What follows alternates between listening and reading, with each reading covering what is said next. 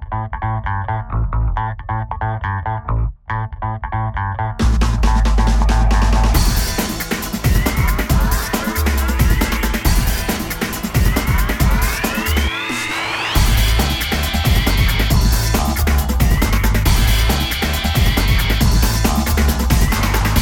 Witajcie w 51. odcinku Ośmiu Gatek. Ja Was przepraszam za mój głos od razu, bo jestem chory po prostu. Dzisiaj w środowym odcinku zaczynamy od tematu o operatorach dronów.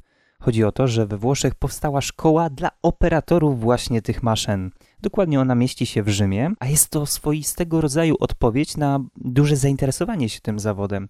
Szczególnie właśnie młode pary chcą mieć ujęcia jakieś z góry podczas ślubu. Taka po prostu moda.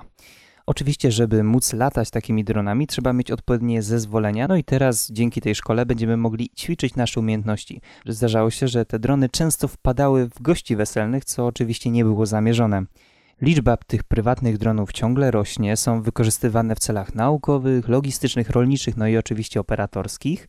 No a w samym Rzymie, czyli we Włoszech, żeby móc takim sterować dronem, trzeba mieć zezwolenie Urzędu Lotnictwa Cywilnego. No i po kursie odbytym zorganizowanym przez y, rzymską firmę, która się zajmuje od 50 lat właśnie transportem lotniczym, możemy mieć własnego drona, sterować nim, kręcić. Tylko pamiętajmy o tym, że no, nie wiadomo jeszcze jak długo, ponieważ może wejdą jakieś ograniczenia, które będą zakazywały ich użytku w ogóle, bądź będzie to płatne. Kto wie?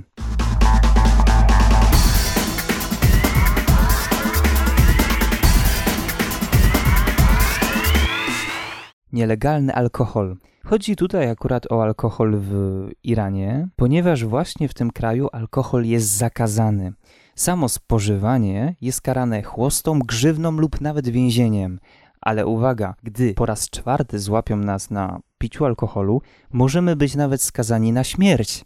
No, co oczywiście nie przeszkodziło temu, że ponad milion mieszkańców właśnie Iranu spożywa alkohol choć właśnie, tak jak mówiłem, jest to zakazane. Według przeprowadzonych badań wynika, że 30% tych osób pijących to kobiety, 70% mężczyźni, a samo centrum detoksykacyjne szacuje liczbę alkoholików na 200 tysięcy ludzi. Żeby mieć odniesienie, w Iranie mieszka 77 milionów obywateli, więc to nie jest może jakiś taki bardzo duży odsetek no ale ponad milion mieszkańców łamie w dosyć istotny sposób miejscowe prawo. Skutki mogą być opłakane, ale no przyznajcie sami, że temat jest ciekawy, szczególnie na tle powiedzmy naszych, niejako takich prowschodnich akurat tutaj zwyczajów w piciu.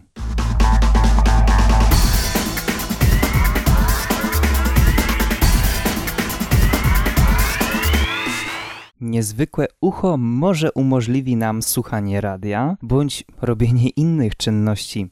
Chodzi tutaj o ucho, które zostało wydrukowane na drukarce 3D. Zostało ono stworzone z żelu i nanodrobinek srebra i może odbierać fale radiowe. Być może w przyszłości zamiast, no powiedzmy, normalnych uszu staniemy się takimi półcyborgami i właśnie będziemy sobie wymieniać organy na takie, które mają powiedzmy dodatkowe właściwości, jak chociażby odbieranie tych fal radiowych byśmy mieli jakieś nowe możliwości, nowe właściwości jako rasa ludzka. Oczywiście pewnie tylko te osoby, które na to stać. Kiedy możemy się czegoś takiego spodziewać? No, za 20 lat. Możecie już dzisiaj rozważyć, czy byście kupili takie ucho, czy też nie. No a jeżeli tak, to właściwie po co? I to na tyle w 51. odcinku 8 Gatek. Ja Wam dziękuję za słuchanie mimo mojego stanu. No i do usłyszenia jutro w 52. Trzymajcie się.